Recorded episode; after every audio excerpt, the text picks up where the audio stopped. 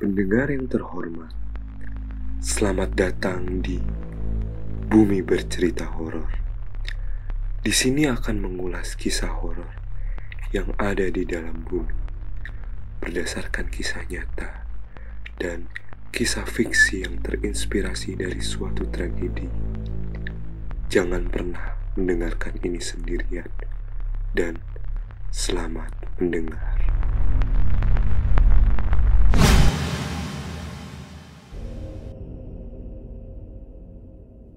Jembatan Paledang Bogor.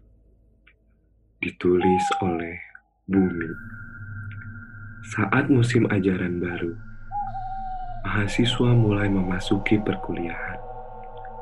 Tak terkecuali mahasiswa yang baru keterima di perguruan tinggi. Euforia ini juga dialami oleh mahasiswa baru asal Jakarta.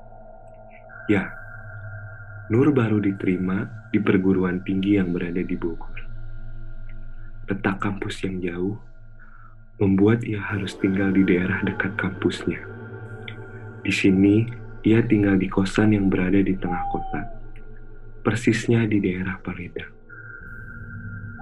Nur merupakan pribadi yang pintar dan rajin dalam hal pendidikan. Saking rajinnya, ia sangat bersemangat mengerjakan tugas ospek yang cukup banyak. Suatu hari, ia dan teman-temannya mengerjakan tugas ospek bersama. Keheningan suasana menandakan mereka sedang serius. Namun sesekali, canda tawa bahkan gosip disisipi selama mengerjakan tugas di sebuah kos kamar milik teman Nur. Mereka menikmati ketika mengerjakan tugas itu hingga akhirnya mereka menyelesaikan tugasnya. Salah seorang teman Nur melihat ke arah jam, lalu berkata, Wah, gak kerasa ya sudah jam setengah 12. Nur yang mendengarnya baru tersadar ternyata sudah larut malam. Ia pun buru-buru memasukkan peralatan alat tulisnya ke dalam tas, bersiap untuk pulang ke kosan. Tanpa basa-basi, ia langsung beranjak berdiri dan berpamitan. Eh, gue cabut duluan ya, sambil berjalan ke arah luar. Nur dengan cepat berjalan menuju ke depan gang dan menunggu angkot lewat. Waktu sudah menunjukkan 11.35. Dalam hati Nur berkata, Aduh, udah malam begini masih ada angkot yang lewat gak ya? Tak berselang lama, dari kejauhan terlihat lampu kendaraan, menandakan angkot akan melintas. Saat kendaraan itu mendekat, Nur melambaikan tangan. Angkot berhenti, dan Nur langsung naik. Nur duduk di bangku dekat kaca belakang. Ia memilih tempat itu untuk menyandarkan badannya yang sudah kelelahan. Mata yang sudah lima watt berusaha memperhatikan kondisi di dalam angkot tepat di belakang supir, di ujung bangku yang sejajar dengan Nur, ada seorang bapak-bapak. Kemejanya kucel berantakan dan mukanya terlihat lesu seperti habis lembur di kantor. Di seberang bangku Nur, di ujung dekat pintu keluar, ada seorang perempuan sedang bermain HP. Perempuan itu mengenakan seragam sales dan dari pantulan cahaya HP itu terlihat mukanya putih sekali. Sesekali, mata lima watt itu memandang ke arah jalan dari jendela belakang. Malam itu sepi, hanya ada lampu jalan yang menyilaukan pandangan. Hanya berselang tiga menit setelah Nur melihat jalan, tiba-tiba terdengar suara krek, krek, krek. Nur pun melihat ke arah sumber suara itu. Dan ternyata, bapak-bapak yang berada di ujung bangku sedang menyalakan rokoknya. Asap rokok ngebul di dalam angkot. Tetapi anehnya, Nur familiar dengan bau asap rokok itu. Ya, asap itu seperti bau kemenyan yang sedang dibakar. Di situ Nur masih biasa. Mungkin Memang bau rokoknya seperti ini, pikir Nur positif sambil memalingkan mukanya lagi ke arah jalan. Nur memandangi lagi jalan yang gelap. Tampak dari arah belakang ada lampu. Tetapi lampu itu secara perlahan mendekat. Ternyata motor yang hendak menyalip angkut Nur. Us, terdengar suara motor itu mendahului dan berbarengan dengan itu, ada bau melati menusuk hidung Nur. Dengan penasaran, Nur langsung memalingkan pandangannya ke arah wanita itu. Ia curiga bau melati berasal darinya. Saat pandangannya ke wanita itu, ia merasa aneh.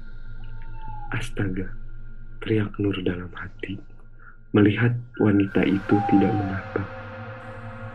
Kemudian secara refleks, ia juga melihat ke arah bapak-bapak. Dan sama, kakinya juga tidak menapak. Hal yang Nur takutkan dari awal ternyata terjadi. Dalam hati Nur beristighfar. Astagfirullah, astagfirullah, astagfirullah.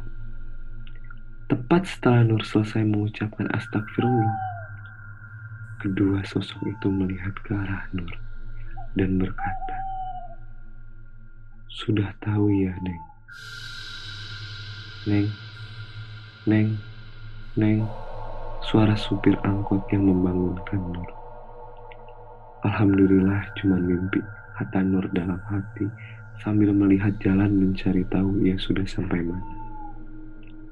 Neng maaf saya cuma bisa ngantar sampai sini karena mau langsung pulang, lanjut supir angkot.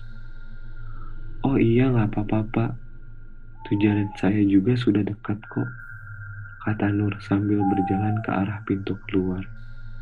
Kemudian, ia turun dan langsung membayar. Titik Nur sekarang berdiri berjarak 250 meter dari gang kosan. Sebenarnya, sudah terlihat gang kosan Nur di ujung sana. Nur hanya berjalan mengikuti trotoar saja untuk sampai ke depan kosannya. Tapi sebelum itu, ia harus melewati jembatan terlebih dahulu. Nur pun melangkahkan kakinya ke arah gang kosannya. Malam itu, jalan begitu sunyi. Hanya suara langkah kaki yang terdengar di telinga Nur. Angin malam yang berhembus membuatnya kedinginan. Ditambah kondisi yang ngantuk, semakin membuat malam itu menyebalkan. Ketika itu Nur berpikir, bermain HP lah solusinya agar malamnya tidak terlalu menyebalkan. Ia pun mengambil HP di saku dan melanjutkan langkah kakinya. Benar saja, tidak terlalu buruk, kata Nur dalam hati sambil asik melihat layar HP-nya. Namun, saat sedang bermain HP, tiba-tiba ia dikagetkan oleh suara dari arah depan. Baru pulang, Neng. Dengan refleks ia memalingkan wajahnya ke arah depan, lalu mengembuskan napas lega. Dikira siapa? Bikin kaget aja, Pak. Ternyata seorang hansip yang biasa ronda di sekitar kos Nur. Iya, Pak. Habis mengerjakan tugas di kosan teman, lanjut Nur menjawab pertanyaan hansip itu. Kemudian Hansip itu berkata lagi, Oh iya Neng, hati-hati kalau main HP. Di situ ada jembatan. Sambil menunjuk jembatan yang sebentar lagi akan Nur lewati. Nur membenarkan omongan Hansip itu karena bahaya bermain HP di jembatan. Lalu Nur menjawab, Iya pak, terima kasih sudah mengingatkan sambil memasuki HP yang ada di tangannya ke dalam saku. Nur pun berpamitan. Saya duluan yang pak, dan melanjutkan jalan ke arah gang kosan. Dengan kondisi yang sudah tidak karuan, pikiran Nur hanya terfokus untuk sampai ke depan gang kosannya. Ketika sedang melihat ke arah gang kosan, tiba-tiba pandangannya terfokus kepada seseorang ia baru menyadari ada yang sedang berdiri di pinggir jembatan. Nur berjalan sembari memperhatikan orang yang sedang berdiri itu. Semakin dekat, semakin jelas orang itu. Dia mengenakan seragam pramuka lengkap dengan atributnya dan menggendong ransel. Seperti anak SMA yang sedang melakukan kegiatan pramuka. Nur pun terheran-heran. Kenapa sudah larut malam kini masih ada anak pramuka? Tanya Nur dalam hati. Dengan niat menenangkan pikirannya, oh, Mungkin dia sedang diberi tugas melakukan kegiatan pramuka penjelajahan masyarakat. Nur menjawab pertanyaannya sendiri. Nur pun positif thinking dan terus berjalan melewati anak itu.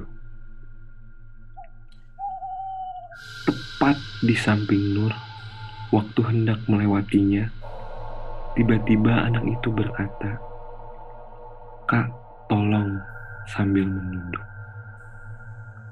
Dengan refleks Nur menghentikan langkah kakinya dan memutarkan badannya ke arah anak itu yang masih menunduk.